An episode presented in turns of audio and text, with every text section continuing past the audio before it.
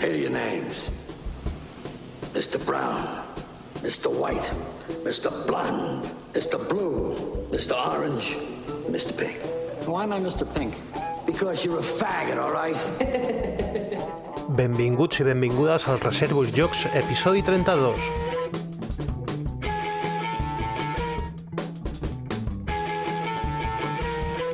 Ja sabeu que ens podeu trobar a la web reservosjocs.cat i des d'allà podeu escoltar directament els àudios o també subscriure-us al nostre fil RSS per rebre directament cada actualització dels nostres episodis al vostre smartphone. També ens podeu trobar a Twitter, Facebook i Google+. Només ens heu de buscar per Reservoir Jocs.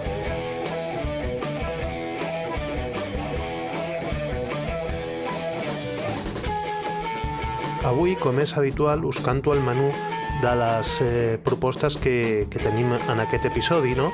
Eh, començarem amb una entrevista que vam fer desplaçant-nos a, la, a la seu de, de Vir, de la Casa de Vir, a Barcelona, al carrer Rosselló, on vam poder entrevistar a la community manager Rosa Ramis.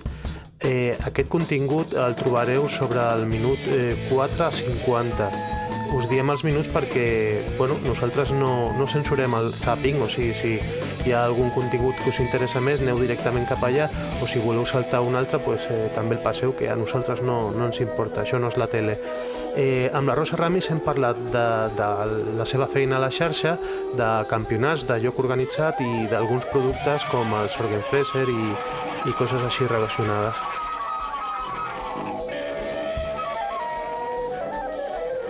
Ja ens anem al minut 20 amb 40 segons on torna el Jordi Nadal des d'Hongria amb la seva secció Lost in Translation, la cinquena concretament, on ens fa una reflexió molt interessant sobre els jocs de cartes col·leccionables.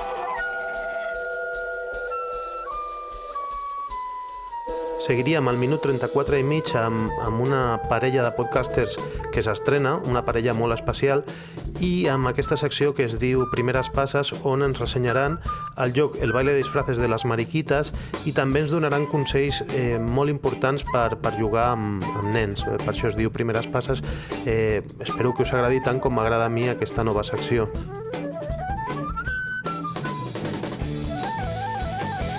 I desplaçant-nos ja cap al minut 48-40 eh, torna l'Edgar Massot fent la seva segona secció llicència per jugar on ens explica la curiosa història de creació del joc polonès Pret a Porter.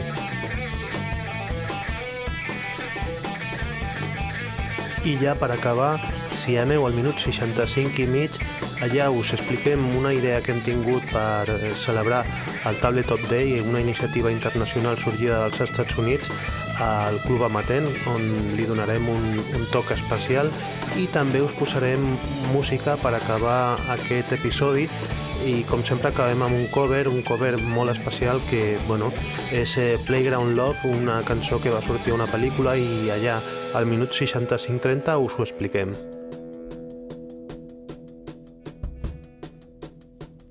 I abans de començar també bueno, us informem de que els nostres eh, patrocinadors, Jugar per Jugar la botiga barcelonina de jocs, farà aquest cap de setmana els seus campionats dels jocs Colons de Catan i Carcassonne i que també l'altre patrocinador, Sigurat Jocs de Castelldefels, estrenarà en breu eh, nova pàgina web des de la que farà també venda online de jocs eh, bueno, doncs això us volíem informar d'això i també que estem patrocinant nosaltres com a podcast un campionat que es fa a Sant Andreu de la Barca d'Aventureros al Tren. És la tercera edició d'aquest campionat que es fa a l'Acadèmia d'Idiomes Old Language School i es farà el proper dia 29 de març, és un dissabte. Esteu atents, crec que encara us podeu apuntar i, bueno, continuarem informant, informant en el nostre podcast perquè bueno, som patrocinadors i li donem difusió a, aquest, a aquesta activitat.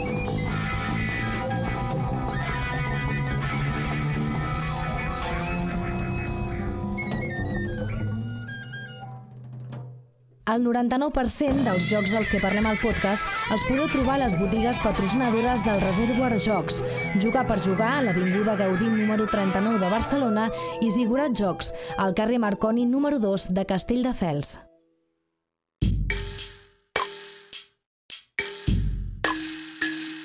Estic amb, amb la Rosa Ramis, que molts la coneixereu perquè, bueno, perquè és la cara visible a les xarxes i als mails eh, de Devir, Hola Rosa, com estàs? Hola, molt bé, gràcies. Bueno, teníem ganes ja d'entrevistar-te perquè, bueno, perquè fas un paper que jo crec que és molt important i bueno, eh, la primera pregunta que et faria és quant temps portes eh, treballant aquí a De Vir? Doncs mira, justament ara al mes de febrer ja ha fet 13 anys. 13 anys, tens, sí, sí. I sempre has anat fent el mateix o has anat canviant de... He anat canviant. Dins de De Vir he estat bueno, de diferents departaments, però jo vaig venir de Borràs, quan Borràs va fer la fusió amb Educa, aleshores mitjançant el Joaquim Dorca, que érem amics, bueno, som, espero. doncs aleshores em va proposar aquest nou projecte, era una empresa molt jove, amb gent molt jove i amb moltes ganes, i em vaig engrescar. I sí, sí, des d'aleshores pues, estic aquí. Uh. -huh. Així que venies de, de Borràs, o sigui sí. que contacte amb, amb els jocs ja tenies, però Tu eres aficionada abans de treballar per, per aquella empresa o per, o per Home, David? és que era molt joveneta, eh, Miquel? Jo sí. tenia 18 anys quan vaig començar a treballar a Borràs. I sí, la veritat és que jo sóc de la, de la vella fornada de que et reunies els dissabtes per jugar a Trivial, per jugar a Monopoly, per jugar els clàssics, uh -huh. que mhm. aleshores hi havia. I, bueno, aquesta cultura sempre l'he portada amb mi. Uh mhm. -huh. Aquí a l'empresa hi ha bastant rolero. Guargamero, tu, això no... no. Aquí a l'empresa els hi agrada tot. Vale. Sí, tot, tot. Bueno, tu venies de, del joc familiar i sí. ara mateix estàs representant molt també aquest, aquest tipus de joc, no? Sí. Després, eh, les tasques principals que estàs fent ara mateix a, uh -huh. a l'empresa, quines podrien ser? Perquè en els 13 anys has anat canviant i sí. ara mateix a què t'estàs dedicant? Dedicant? Mira, doncs ara mateix el meu, la meva tasca és portar tot el tema de xarxes socials, de Facebook i Twitter, i també la coordinació de tot el que seria joc organitzat, tornejos, fires, salons, col·laboracions... És una tasca amb un ventall molt ampli. Bueno, déu nhi Parlem de les xarxes socials, perquè has de tenir una font d'idees o, o d'inspiració per, per fer els concursos aquests que esteu dinamitzant al Facebook. Eh, D'on treus les idees? Mira, la veritat és que les idees eh, són una mica la barreja entre el seny del Xavi Garriga i la meva rauja, perquè fem un tàndem una mica explosiu. Normalment el que primor... la, o sigui, la prioritat és sempre buscar un joc de taula o bé que sigui novetat, que, que coincideixi amb el llançament d'aquest joc, o que si per causes forànies no hi ha cap joc en aquella setmana prevista per llançament, buscar doncs, algun tema tipus carnaval, tipus Dia dels Enamorats, tipus fi d'any, Nadal, hivern, estiu, qualsevol cosa que tingui una relació amb algun joc. Si no, és, no hi ha cap d'aquests dos criteris, doncs aleshores es busca un criteri que és una mica més objectiu que és dir, home, eh, doncs anem a parlar d'aquest joc perquè fa temps que no, no se'n parla o fa temps que... o volem potenciar-lo. I la pregunta dels concursos, doncs una vegada tenim elegit el joc, es tracta doncs, de fer transcórrer la matèria gris i buscar algun tipus de pregunta que sigui una mica oberta a tothom. Jo sé que hi ha setmanes que les preguntes són molt concretes, per un joc, com pot ser la setmana passada, que vam ser sobre el Dominion, sobre les cartes, quina és la teva carta preferida del joc, però tam tampoc volem limitar els concursos només a la gent que juga. O sigui, volem que la gent conegui els jocs, que se'ls emporti a casa, que els provi i que en parli bé. Aleshores, per això, les, les preguntes absurdes, que, que a vegades dius, quan pesa un catan, no? Sí, per sí, exemple, sí, sí. Doncs bé, molta gent té un catan a casa seva. Nosaltres no volem el pes exacte.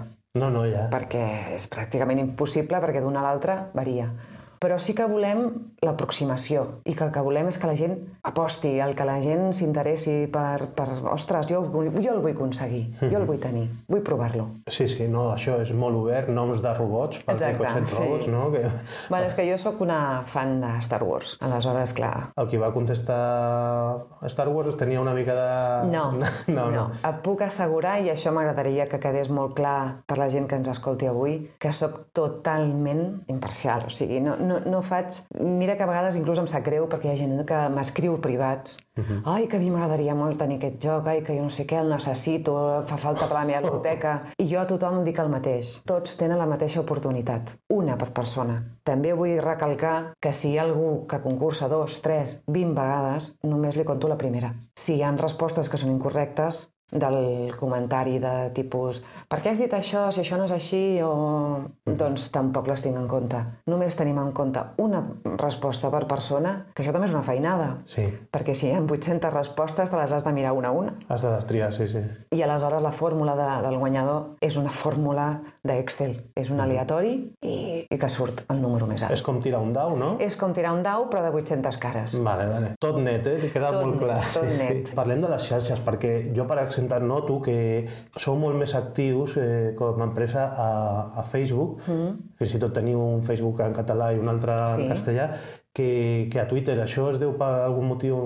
A veure, per mi, pel tipus de producte que portem, el Facebook em resulta molt més proper, més dinàmic. També perquè els nostres clients o els nostres amics, perquè per mi els fans de la nostra pàgina són amics, disposen també de Facebook, no tothom té Twitter. Aleshores, si tu vols fer alguna, algun enllaç o compartir alguna notícia o alguna, algun tipus de, de, de fotografia, el 90% té Facebook. Que tinguin Twitter encara no estem a la part. Aleshores, nosaltres l'eina que fem servir dins el Facebook és retuitejar tot el que publiquem, amb la qual t'assegures de qualsevol cosa que jo t'expliqui pel Facebook, tu la trobaràs en el Twitter, automàticament. A part de que després es revisen els missatges, es dona resposta a totes les consultes, siguin de forma pública o de forma privada. Però és només per això, però trobem una mica més àgil, al Facebook, per comunicar-nos amb els altres, eh? Sí, sí, has dit que estàs eh, enllaçant webs, eh, imatges, fotografies, tot això. Sí. Tota aquesta informació dels blogs, per exemple, de la gent que Sí. escriu i tal,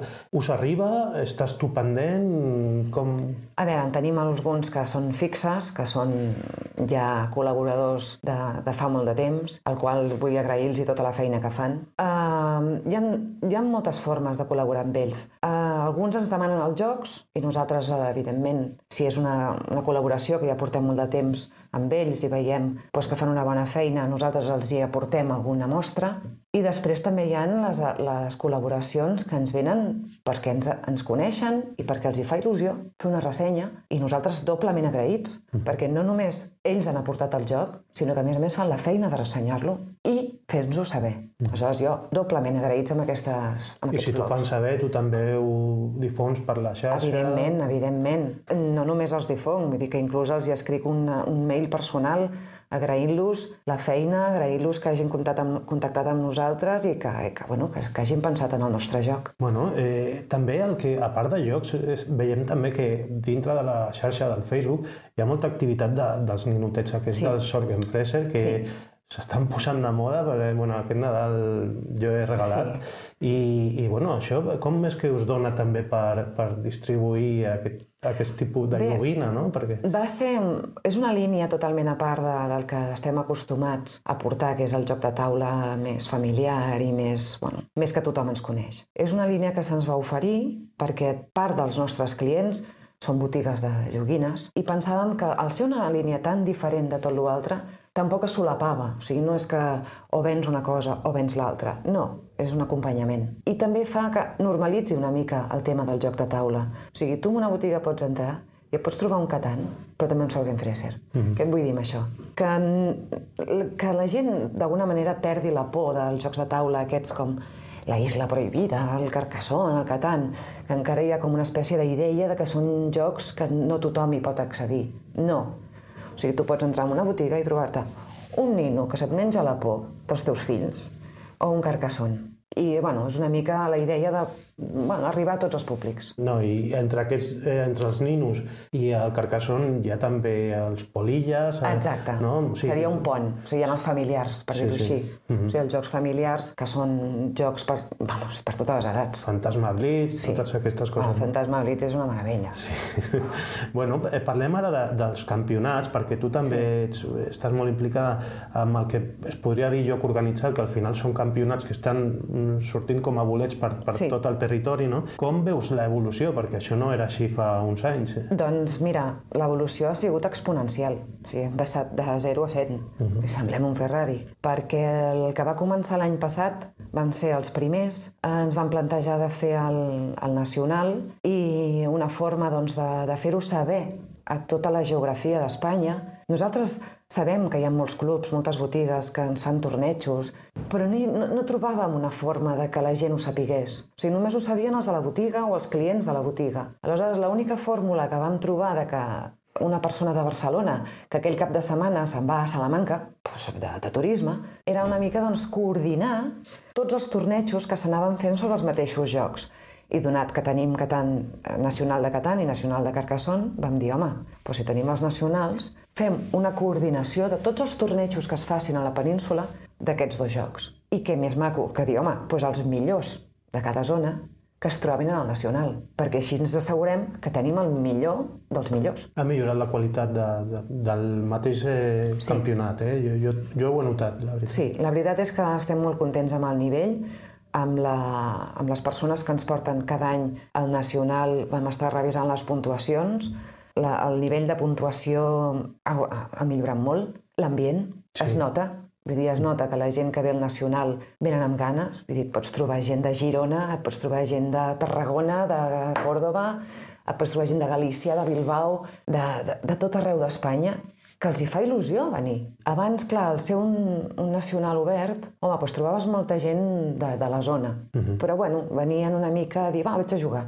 provo sort i... Exacte. Mm -hmm. I no, i ara el que, el que hem assegurat és que estem enviant en els mundials i en els europeus, estem enviant els millors dels millors. Doncs eh, això, cada, cada petit campionat que es fa o cada mitjà campionat que es fa per tot arreu mm, té un premi que, en, sí. per exemple, de Carcassonne està sent un Carcassonne Mares del Sur o de sí. Catan és un Històries de Catan, no? penso. Mm -hmm. eh, això, mm, per la gent que no ho sap, això té un cost que segurament ho, ho tindreu en una partida és un percentatge sí. vostre. Exacte. Eh, quan destineu, en, en, més o menys, eh, si es pot dir, perquè la gent es faci una idea de que ja comença a ser un volum Doncs mira, avui, la d'avui, et puc dir-te que de Catan tenim programats 75 tornejos i em sembla que en tinc un parell per confirmar, però 75 tornejos que es fan des de l'1 de febrer fins al 31 de maig i a cada torneig de Catan se'ls hi regala un Catan Colonos d'Amèrica. I de Carcassonne, a dia d'avui també,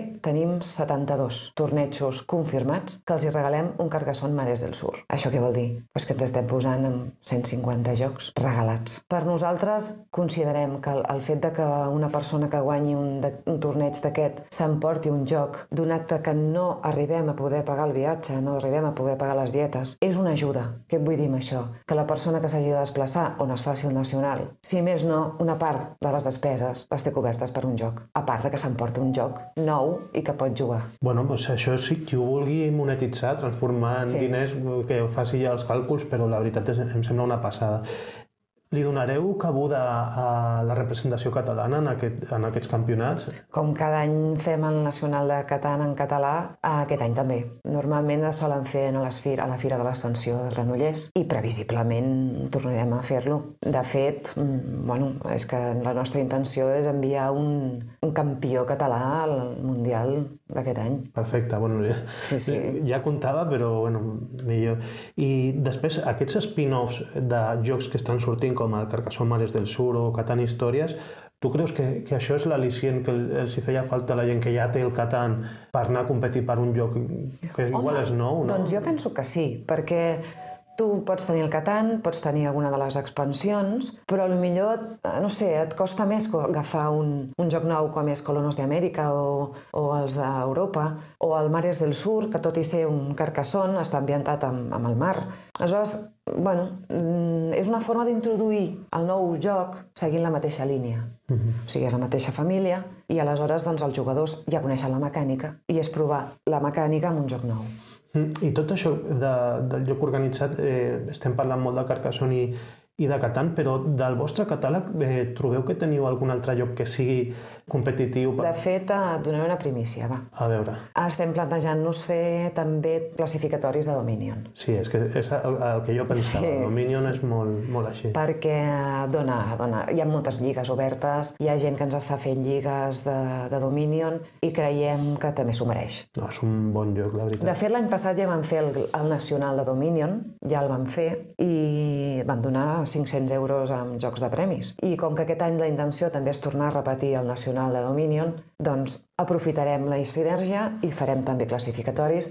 Suposo jo que començaran per l'estiu. No volem tampoc saturar la gent. Clar. Aleshores, quan ja s'hagin acabat els, els classificatoris de Catània i Carcassonne i el nacional de tots dos, aleshores començarem els classificatoris de domini. Perquè Dominion també té campionats a nivell europeu o No. mundial?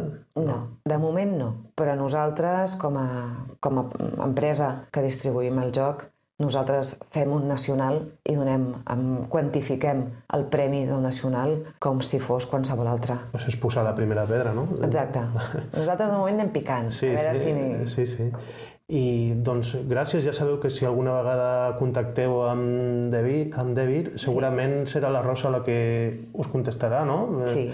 Molts no coneixen la meva veu, molts no coneixen la meva cara, però bueno, ho anirem posant. I si us classifiqueu per un nacional la veureu allà Això també, sí. al pie del canyó, no? Això sí, això sí. Doncs eh, moltes gràcies, Rosa, Gràcies per obrir-nos les portes de Devir i, i per atendre'ns també.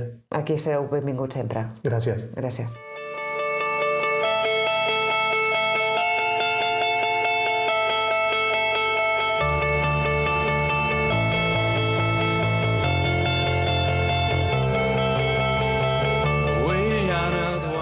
Què tal, companys? Benvinguts a la secció Lost in Translation. Us parla Jordi Nadal des de Seguet, Hongria.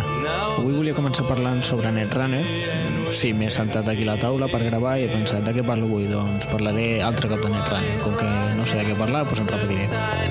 No, no, no és per això. És que l'altre dia vaig sentir unes crítiques, algunes positives i altres negatives sobre Netrunner. I els, els comentaristes... És que jo només escolto podcast, llavors sobre els foros no, no sé gaire.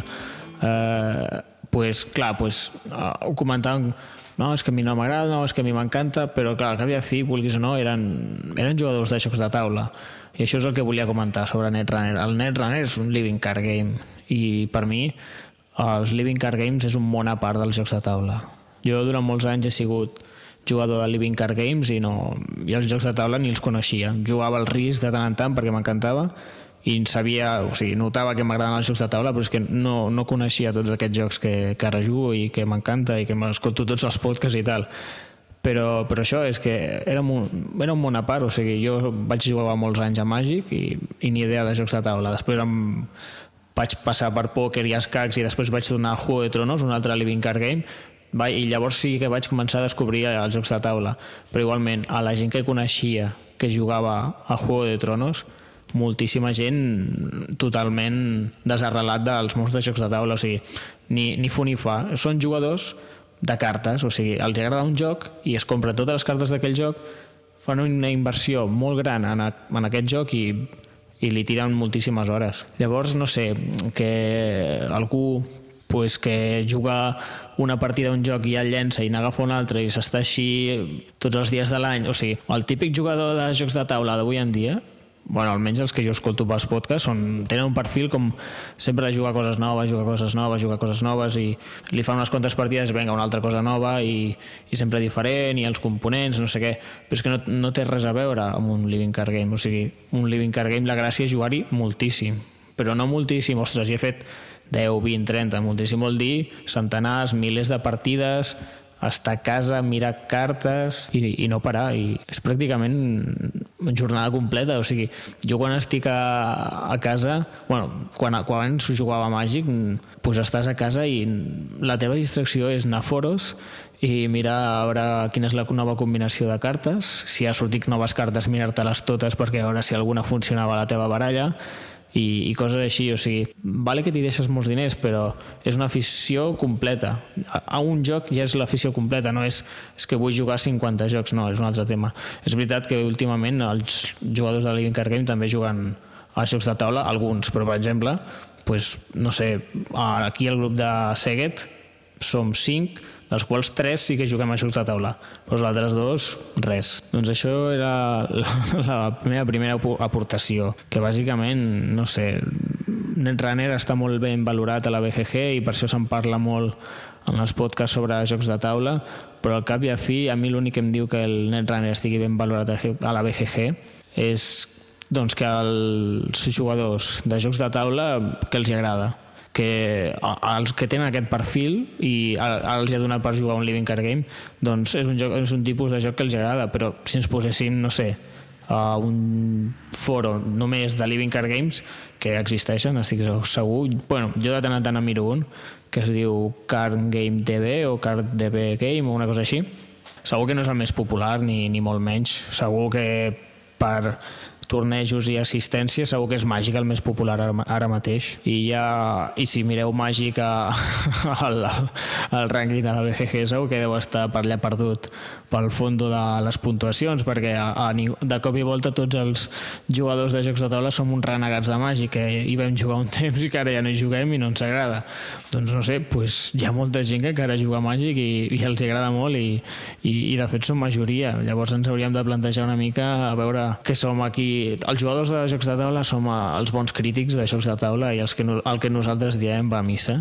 Si nosaltres diem que el Netrunner és fantàstic, el Netrunner és fantàstic i tota la resta de jugadors de Màgic que s'organitzen tornejos i els guanyadors potser s'emporten 30.000 o 100.000 dòlars perquè mou molts diners, no, aquesta gent no, no, no, no compta la seva opinió. I res, també comentar que l'altre dia vam fer una taula rodona i vam començar a parlar de Living Card Games amb Jolín, quants cops he dit ja Living Car Game avui?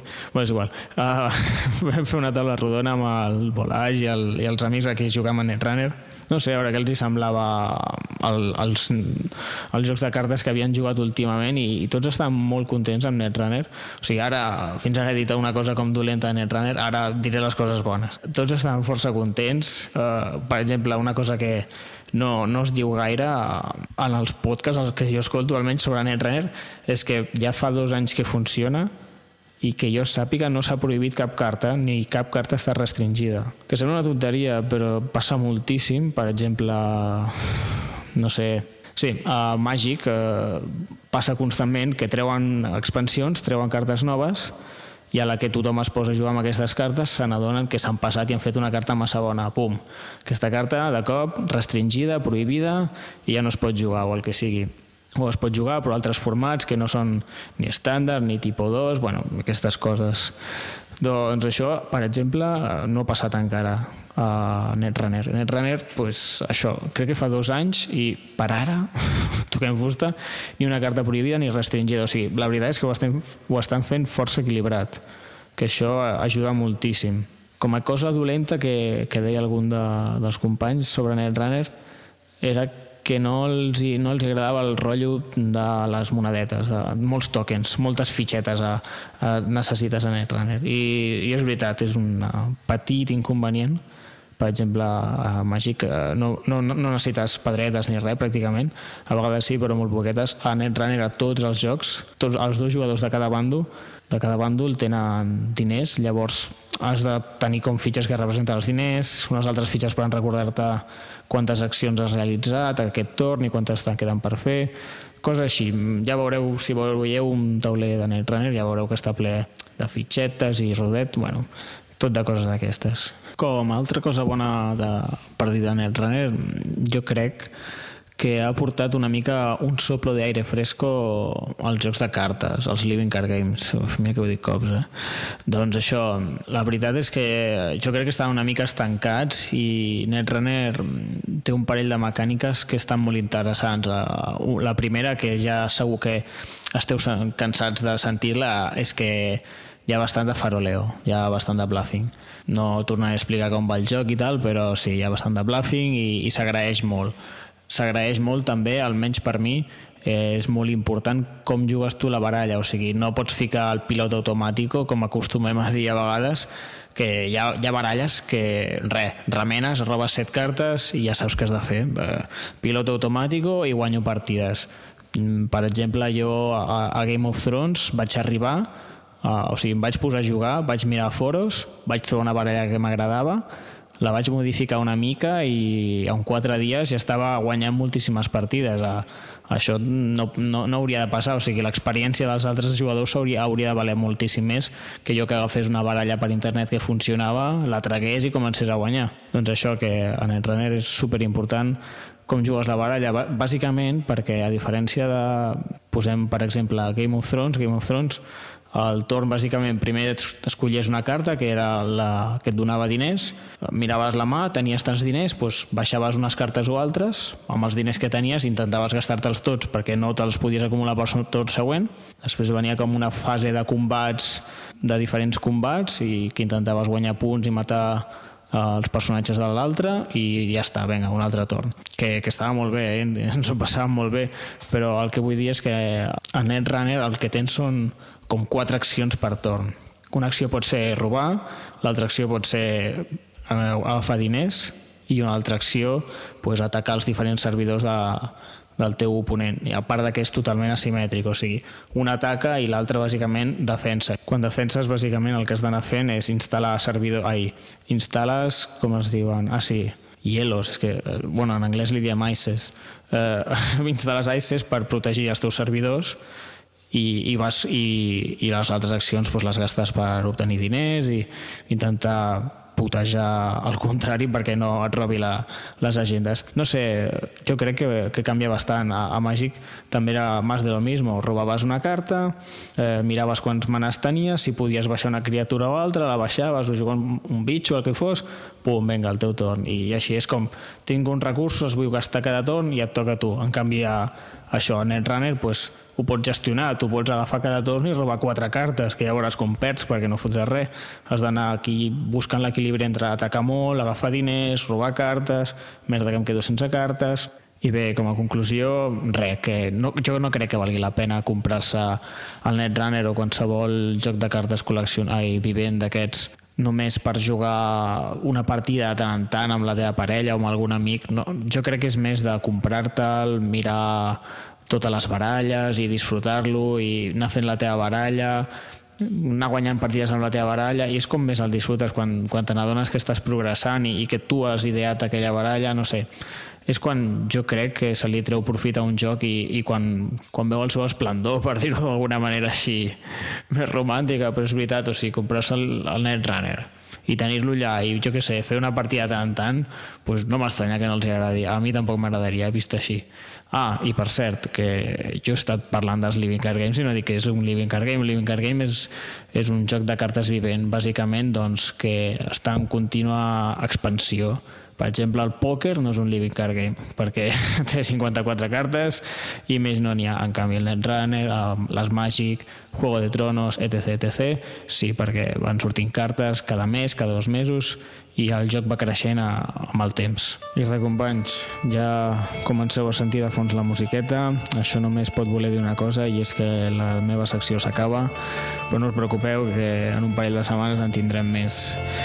Res, només comentar que avui hem tingut una intenció de Netrunner, espero que no se us hagi fet passat. Eh, el pròxim dia vull fer més intensius, si us agraden, si no, doncs, doncs no, no els faré, però m'agradaria fer un intensiu del Tolkien, estratègicament parlant, perquè és un joc que estic jugant bastant per internet i m'està agradant molt i, i m'agradaria fer un petit intensiu de Tolkien i, i no sé, també vull fer una intensiu de, de Living Card Games en general si, si us ve de gust tot i que, bueno, si no pues res, ja, ja veuré, depèn, depèn com em caigui, però sí, el del Tolkien estaria bé i a més a més el que estaria molt bé per, per vostre companys és que us miréssiu res, un minut o dos l'aspecte que té el Tolkien o, sigui, com es juga ja seria fantàstic, però res, només que us mireu una foto del, taule, del taulell ja estaria molt bé perquè tindríem molt per avançat perquè intentaré explicar com es juga i seria bo que almenys us féssiu una idea de com és el taulell perquè és una mica peculiar. Així que res, ja veieu que us poso deures i tots, eh?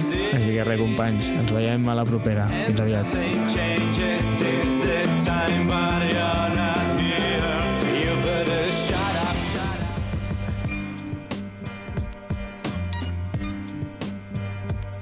completament d'acord amb tu, amb aquesta apreciació que fas, Jordi, de diferenciar el joc de cartes col·leccionable de, de l'Eurogame o, o un joc Ameritrash eh, convencional, no?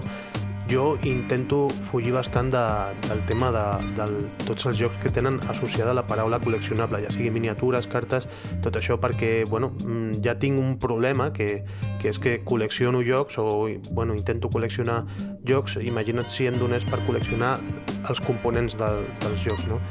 Però bé, bueno, només ho deixo aquí. I ara la diversitat del podcasting lúdic fa això, no? que acabem de parlar de Netrunner, un joc de cartes col·leccionables, i ara parlarem d'un altre joc totalment diferent que sobre unes marietes que ja veureu. És la, la nova secció que s'estrena aquí als Reservoir Jocs.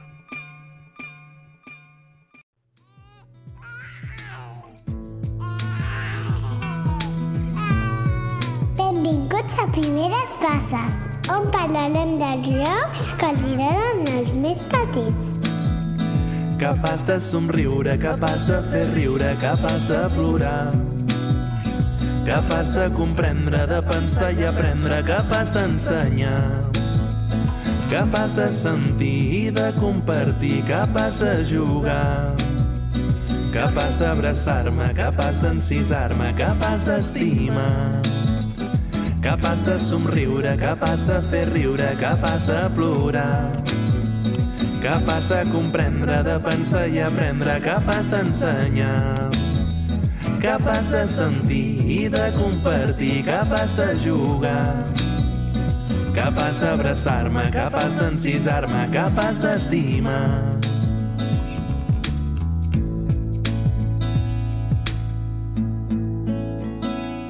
Tot explicarem una miqueta què volem fer.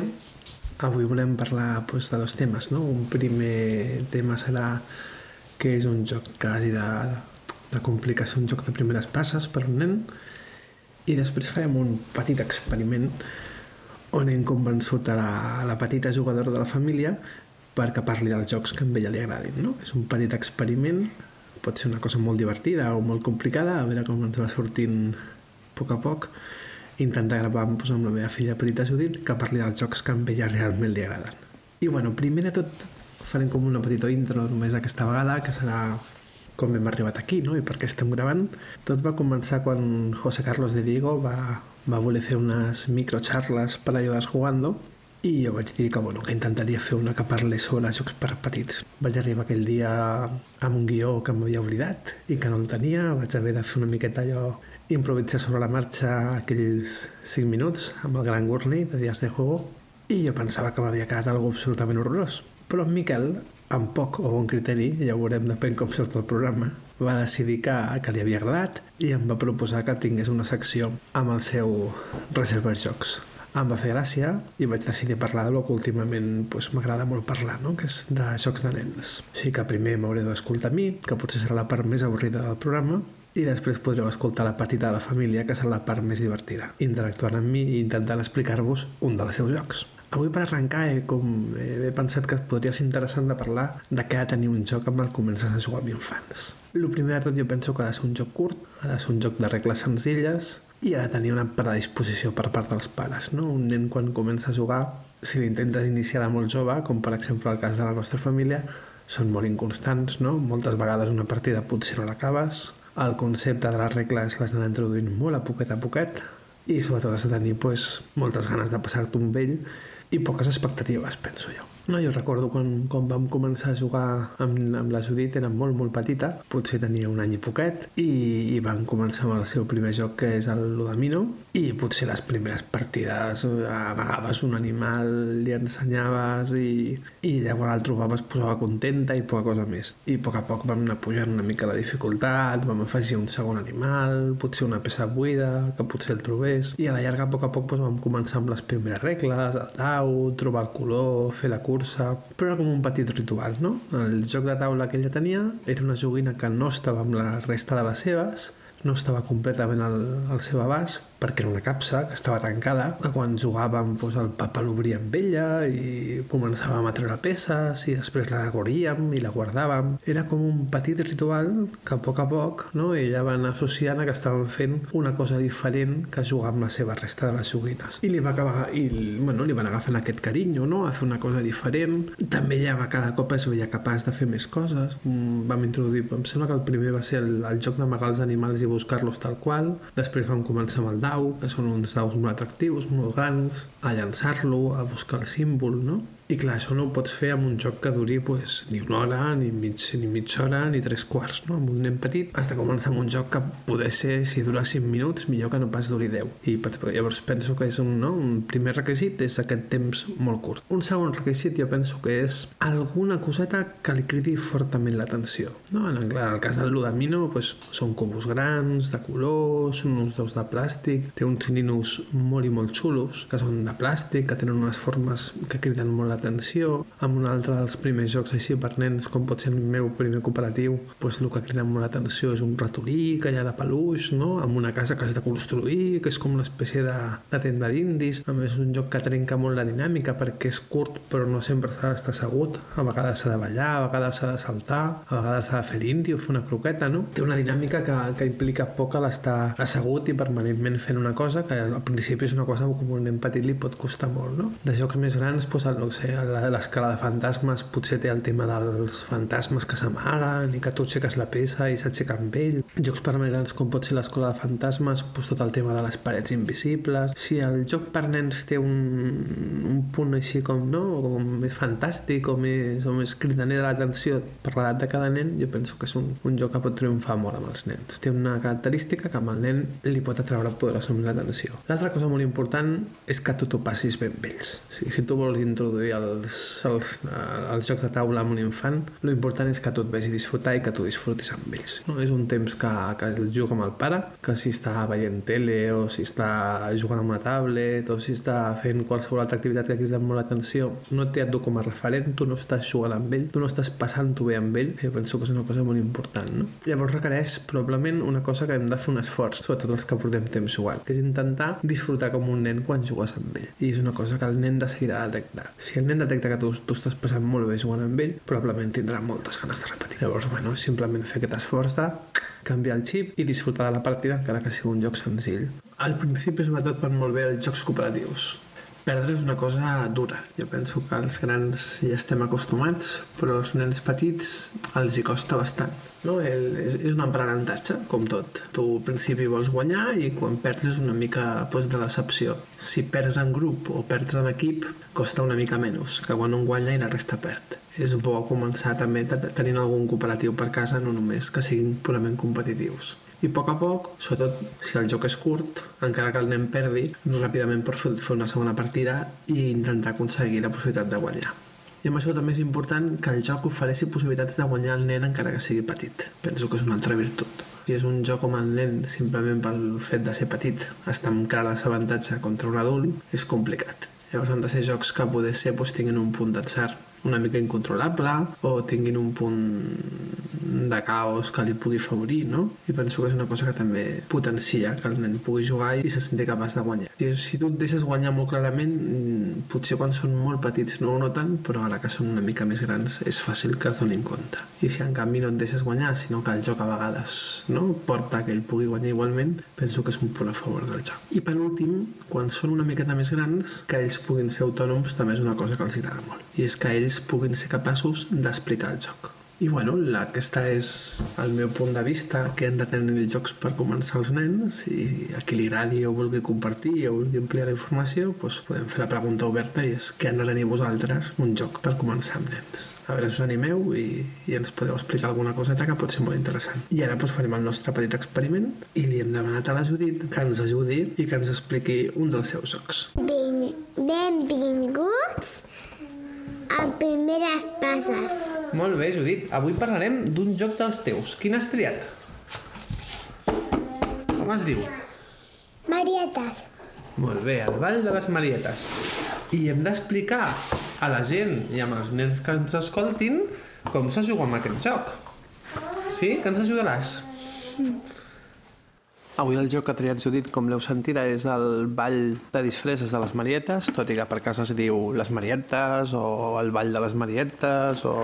És un joc de Select Spiel, va ser Kinder Spiel Dishares amb el 2002, que normalment ja és un segell que et dona una certa garantia de que el joc pot estar molt bé. Vale, L'autor és Peter Paul Jopen i hem pensat que potser, com és una mica complicat fer-se la idea del joc només sentint com es juga, i ara us explicaré una miqueta els components tenim un taulell que té com un pètal de flor, una fulla molt gran i unes fulles petites per on pugen unes formigues i dintre del pètal de la flor té una petita agulla que es pot fer girar. Cada pètal és d'un color i té dues posicions. En els components trobem una taula rodona, que és un, com un petit banquet, només un dels objectius, que ja ho explicarà Judit més endavant, i de fitxes tenim un conjunt de formiguetes de fusta, molt mones, de color groc, i unes marietes que són com una espècie de petites baldufes que queden com una mica en equilibri sobre la seva base, tenen un imant a la punta i tenen cinc foradets per col·locar els seus colors. I després unes petites fustes cilíndriques de, de cada un dels colors, que, es, que encaixen perfectament amb aquests foradets. I a partir d'aquí doncs, li preguntarem a la nostra experta com, com se juga amb aquest joc tan xulo. Molt bé. A veure, Primer jugar amb aquest joc. i què s'ha de fer amb aquest joc? Pues s'ha de posar les marietes, s'ha de posar les marietes a, a, a, als pètals i s'ha d'arribar a la festa. Ah, i com hem d'aconseguir arribar a la festa? Què han de tenir les marietes? Tots els colors. Molt bé. I primer de tot hem dit que hem de posar cada marieta en un color i com han de ser els seus punts. Iguals. Molt Tot bé, molt iguals. Bé. Que Tot t'hi diré. Aquesta serà de color lila. Molt bé. I, i aquesta serà de color rosa. Ah, està molt bé això. Ti, ti, ti.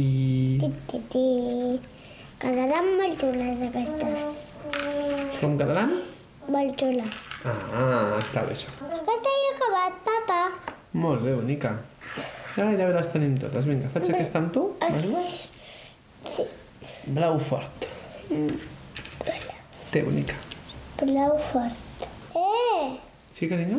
estan al revés. Oh, tens raó. Bona vista. Molt bé. Ara ja tenim cada marieta amb el seu color, oi? I què hem de fer? Com se juga? Tirar, fer voltes i voltes i voltes. Molt bé. Ens ha tocat un color, ara què hem de fer? I com sabem si les marietes poden canviar les puntetes o no? Si se fan un petó i aquesta, puc seguir. Mm. I si no es fan un petó, què passaria? No podem fer. Podem seguir. Podem seguir perquè s'ha fet un petó, oi? Molt bé. Vinga, ara provem la lila. Oh, què ha passat amb la lila? No ha volgut. Ah, i la marieta s'ha girat, oi? I ara llavors a qui li toca? A tu. Molt bé. Agafo la següent i... Ai, tiro primer, oi? Que m'havia oblidat. Xum! Oh, què m'ha tocat? Fulleta. I què passa quan es toca en una fulla? S'ha de posar una... Aquí, a la flor. Una què? Una formiga a la flor. Mm, I les formigues què volen fer?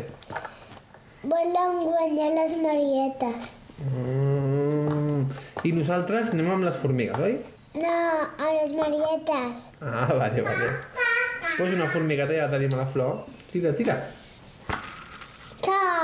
Xas! Molt bé, molt bé. A veure, a veure. I què és el que més t'agrada d'aquest joc? Quan arriba la, la festa. Quan arriben a la festa. Mm. I, la fe I la festa què és? Amb la brava. Què és la festa? Explica'ns-ho. Però ens has d'explicar perquè la gent no ens veu, ens sent. Menjar. Un menjar, oi? I hi ha un plat de cada... color i deixem les marietes.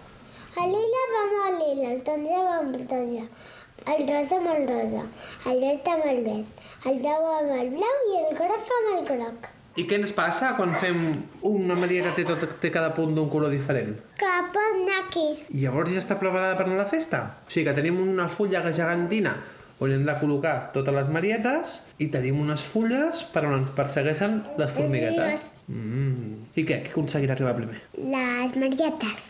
Molt bé, bonica. Moltes gràcies. Ja ens has explicat el joc de les marietes? Digues, fins una altra...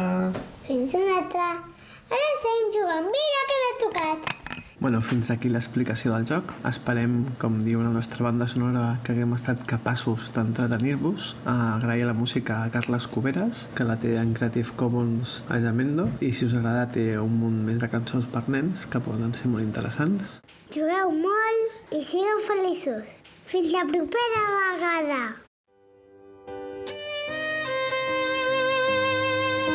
Llicència per jugar.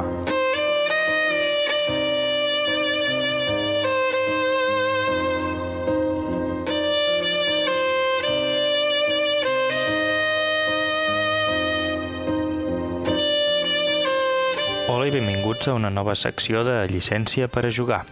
Si l'altre dia vaig escollir un joc eh, relativament nou per eh, parlar de la secció, avui he decidit tirar una mica més endarrere i parlar d'un joc del 2011 que va passar relativament desapercebut i que no va tenir gaire distribució internacional. Es tracta de Preta Porter, un joc sobre l'interessant món de la moda i la passarel·la i la dura competència que hi ha en aquest sector. Bé, dit així, no sembla gaire interessant. I és que precisament per això he escollit aquest joc, per parlar una mica de la temàtica en els jocs de taula. I és que moltes vegades la temàtica és una de les coses que ens pot atreure a comprar un joc, o al contrari, pot fer que ja agafem un joc amb, de mala gana. Hi ha moltes vegades que també comentem que la temàtica ha estat enganxada directament a una mecànica i que aquell joc que està ambientat a les illes eh, de la Polinèsia, doncs el podríem haver ambientat a l'antiga Grècia i hagués funcionat de la mateixa manera, ja que els mecanismes no tenen res a veure amb la temàtica d'aquell joc. D'altra banda, hi ha jocs que les mecàniques segueixen directament el que ens dicta la, la temàtica del joc. Així, per exemple, si jugues a l'Stone Age i vols ampliar la teva tribu, has d'enviar els dos, dos dels teus treballadors a la mítica cabanya, i d'allà en surten tres. En aquest cas, Preta Porter és un joc molt molt temàtic, però amb una temàtica no gaire convencional i que no li va jugar gaire a favor. M'agradaria explicar-vos uh, l'anècdota d'on va sortir aquest joc, ja que és bastant graciosa i es pot trobar en el blog d'Ignasi Trevisec, que és el seu autor. Resulta que el Banc de Polònia tenia una partida de, de diners per invertir a fins socials i volia que es creés un joc per adolescents per ensenyar-los el funcionament de, de l'economia d'una empresa. Bàsicament, doncs, eh, els crèdits, eh, les despeses, el manteniment, no es tira més el braç que la màniga, etc. Aleshores vam posar en contacte amb, amb l'Ignasi Trevisec, ja que era un dels autors de jocs de taula mm, relativament conegut i del país, per veure si volia acceptar aquest repte de dissenyar un joc d'aquest estil i així obtindria el finançament i directament se li publicaria aquest joc i els instituts eh, en tindrien còpies per tal que els adolescents el poguessin jugar i aprenguessin aquest funcionament. L'Ignasi no, no va voler desaprofitar aquesta oportunitat sabent eh, la dificultat i els costos que, i els diners que es necessiten per poder fer un projecte d'aquest calibre. I va començar a indiar aquest joc va decidir ambientar-lo en el món de la moda i explica una anècdota molt divertida en què un cop ja tenia el prototip eh, més o menys eh, tancat, se'n va anar cap al Banc Nacional de Polònia a reunir-se amb dos banquers que havien de provar aquell joc i decidir, diguéssim, donar l'hoquei del projecte i si tirava endavant o es quedava en només un intent. Doncs ja us podeu imaginar un noi jove vestit d'esport entrant al prestigiós Banc Nacional de Polònia per reunir-se amb dos encorbatats que havien de decidir el destí del joc. Eh, L'Ignasi va fer el muntatge, va, els va explicar el joc i van començar a jugar unes quantes rondes. I de seguida es va donar que un dels dos treballadors estava realitzant les accions realment amb coherència i estava fent un, portant un bon camí cap a la victòria, mentre que l'altre escollia unes unes opcions una mica estranyes i que de ben segur el portarien cap a la, cap a la bancarrota. I ell intentava donar-li uns consells perquè tenia la impressió de que si eh, no li anava prou bé la partida, doncs consideraria que el joc era dolent i que per tant no valia la pena que es publiqués. Però el banquer no li feia cas i seguia amb la seva intenció de fer estirar més el braç que la màniga, comprar molts edificis, treballadors, molt manteniment, no es dedicava a fer les tasques que podien donar-li diners. Al cap de dues o tres rondes, l'Ignasi ja es veia perdut i pensava que aquell treballador li tiraria el projecte per terra. Però quina va ser la seva sorpresa? Que aquell home va dir aquest joc és fantàstic. I l'Ignasi es va quedar tot parat i li va dir, però, però si t'ha anat fatal, eh, que gairebé perds la, vull dir, estàs en bancarrota i no, no hauries aconseguit la victòria. Diu, no, no, diu, és que el que he fet ha estat dedicar-me a fer les accions per veure si el joc em castigava i no em deixava continuar. I així ha estat. De, simplement he pres males decisions i, per tant, eh, la meva conseqüència ha estat la ruïna i és el, el que volíem que, que el joc ens ensenyés. Mentre que el meu company ha triat les opcions correctes i té una empresa doncs, que, que tirarà endavant perfectament. De manera que tens el nostre OK i pots publicar aquest joc. I així va ser com va sortir la, la primera edició de Pret a Porter al mercat. Aquell any, Essen només tenia previst plantejar New Era, una expansió del seu joc uh, 51st State, i va pensar que potser podia presentar la versió en anglès de, del joc Pret a Porter. Era un canvi de temàtica bastant important a la que tenia acostumats a, als seus seguidors.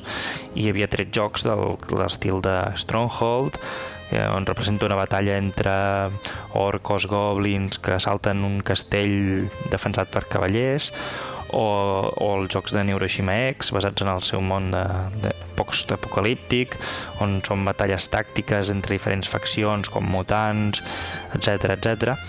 i també el 51 estat, l'estat 51 que és un joc també basat en aquest món i bueno, va pensar que tot i el canvi brusc de temàtica els seus eh, habituals clients o compradors doncs confiarien en, en la, la seva reputació i en la seva i a la seva editorial per, per comprar aquest joc de, de moda, que en el fons és un joc econòmic, vull dir, la mecànica de, de moda està per sobre, però eh, és un joc merament econòmic. Aleshores, el que va succeir va ser que, segons eh, paraules seves, eh, el joc va ser un, un autèntic fracàs. No, no va assolir el nivell de vendes que, que esperava, no va aconseguir distribució internacional d'altres altres companyies, com és habitual en, la, en els seus jocs. Ell té un, una editora petita i treu unes còpies per, per, per, per Essen i per al mercat més o menys local i llavors normalment alguna distribuïdora s'interessa per als seus jocs i s'encarrega de fer doncs, la distribució doncs, per Estats Units o per altres eh, zones d'Europa. De, I ell llavors és quan realment els seus jocs augmenten en número de volum i s'aconsegueixen en, eh, en un èxit, diguéssim, econòmic. Doncs eh, Preta Porter no, no va tenir aquesta sort. Mm, la gent no, no va no es veia tentada per aquesta temàtica i no van confiar prou en, en, en l'autor com, com a referència per comprar el joc a cegues encara que sigui, mira, escolta, és de moda, però és igual, és un joc de l'Ignasi, ha de ser bo. I no va tenir aquesta sort. I la veritat és que és una llàstima, perquè estic convençut que qui sigui aquest joc sigués econòmic igual, però amb una temàtica de trens o de fàbriques o d'energia o inclús mm, una posada en escena de, de mascotes que són monstres a l'estil de Dungeon Pets hauria triomfat i ara mateix tindríem un joc que estaria de ben segur al top 100 de la Board Game Geek. I és que encara que no ens ho sembli, tant la portada com la temàtica com la mida de la caixa juguen un paper molt important en les ventes d'un joc perquè sí, mentre estàs a una fira i te les pot explicar l'autor i t'explica el joc, veus els components a dintre i et pot arribar a convèncer l'entusiasme amb què te l'explica de que aquell joc farà per tu, quan arribes a una botiga o el veus a, en una botiga online, simplement el que veus és una portada, una temàtica i una petita descripció que moltes vegades potser ni et llegiràs sobre de, de, de, de què va el joc. Aleshores, eh, quan un editor tria un tamany de caixa, diguem això, ho fa per, perquè aquell joc pugui competir en condicions quan està en un prestatge d'una botiga i perquè capti l'atenció del possible comprador, perquè si no ho té molt, molt cru. Bé, doncs, després d'aquesta divertida anècdota, o almenys jo li trobo molt, anem a parlar una mica d'aquest joc econòmic. En el Pret a Porter el que portem són firmes de moda que competiran durant 12 rondes, que representen un, un any de, de la vida real, per aconseguir els màxims beneficis possibles. I així és aquella empresa que sigui la més rica al final de la partida, no en serà la guanyadora.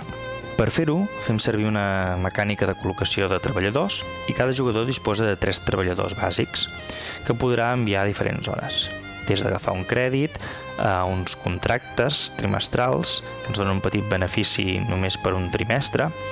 Eh, podrem comprar edificis contractar més treballadors per substituir els que tenim, dissenyar models d'una col·lecció i comprar roba ja sigui al mercat local, internacional o a les fàbriques tèxtils. Durant dos mesos podrem col·locar els nostres treballadors i al final d'aquests dos mesos, el tercer mes, presentarem a diferents ciutats on s'avaluaran quatre categories.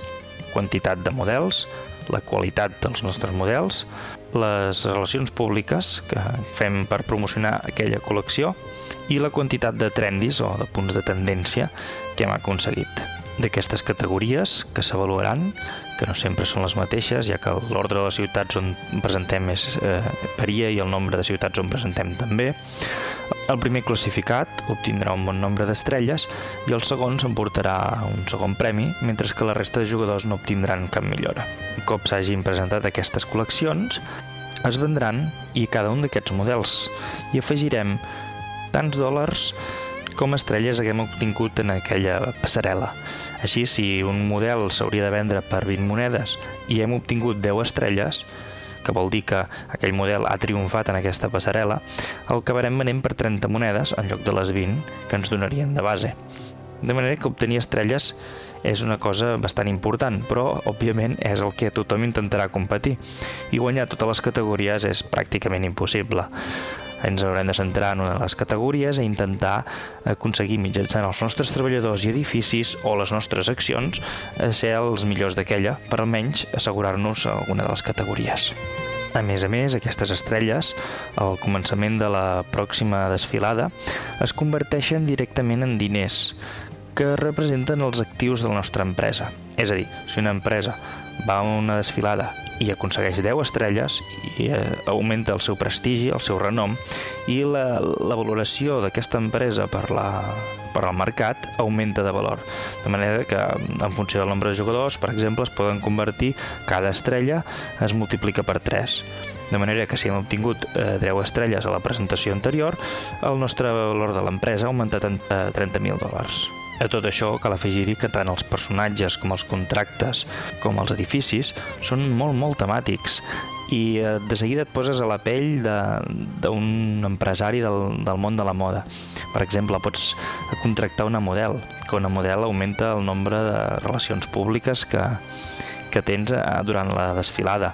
Pots eh, comprar un edifici de, de maquinària de, de cosir, que el que fa és que cada cop que facis els teus vestits obtinguis molta més qualitat. Eh, pots, per exemple, també fer un contracte amb una empresa de televisió. És un contracte trimestral i com que ens fan molta publicitat fa que directament ja quan arribem a la, a la desfilada de models obtinguem quatre estrelles els treballadors també podem trobar-hi un comptables. Els comptables fan autèntiques meravelles i fan que el manteniment de cada torn, que hem de pagar als nostres treballadors i edificis, doncs es redueixi dràsticament i fins i tot puguem obtenir beneficis dels rèdits que facin.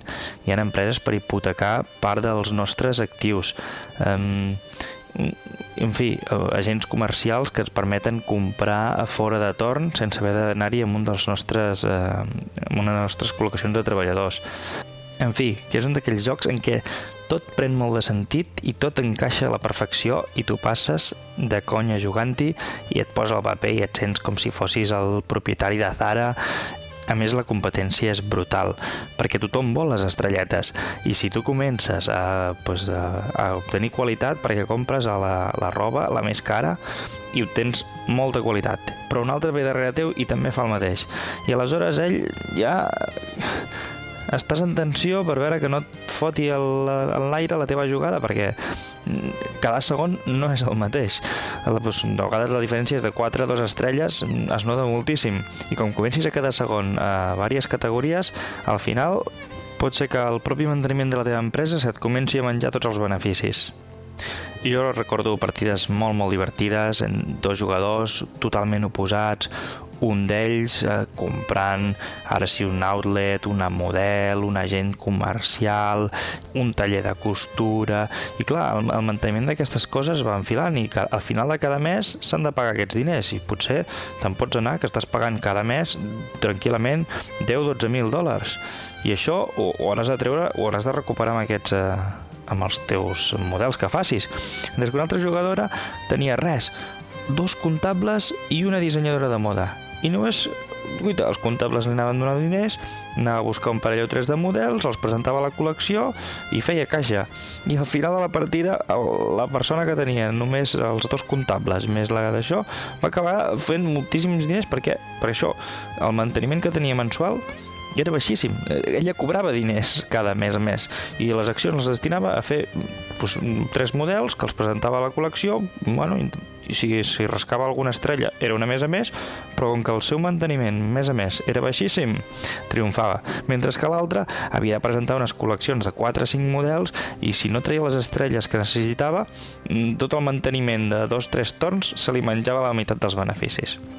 Així ja ho sabeu, és un joc que us recomanaria que si el veieu, el, el que el tinguin a algun lloc o unes botigues, no deu anar molt car, en deuen quedar molt pocs i és un joc molt molt recomanable. És un joc econòmic, mm, sé que us costarà la primera vegada convèncer els vostres amics de jugar-hi, perquè a mi m'ha passat, jo l'he portat a uns jugadors habituals, i escolteu, juguem jo, oi, però què és això? Però si això és de joc de nenes, de nines, que aquí que fer modelitos, i escolta, escolta, no, que és un joc econòmic i que proveu-lo, que llavors us agradarà. I sí, sí, efectivament, quan acabes la partida, ostres, doncs, no m'esperava aquest tipus de joc mm, de veure la temàtica o veure aquesta portada.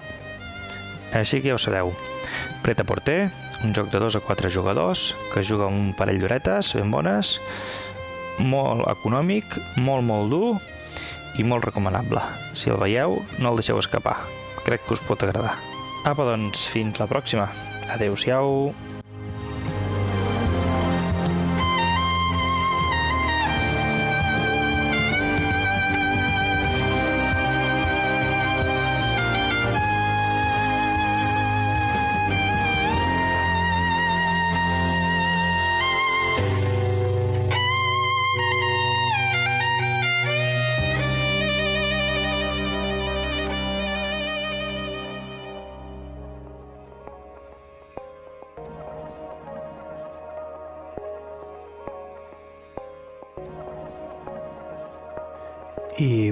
Ja estem a punt d'acabar.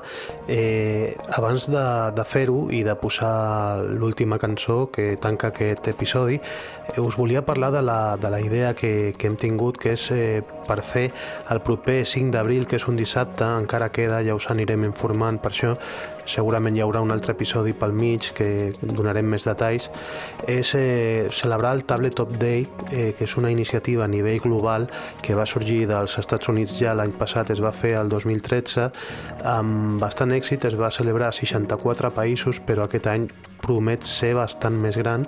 Nosaltres la volem celebrar al Club Amatent eh, en una sessió, en una jornada, on el més eh, estrambòtic és que hem convidat a autors, ens hem copiat una mica de, del nostre amic Gurney, del que va fer amb el Club Dados a Madrid, que van fer-lo del dia de l'autor.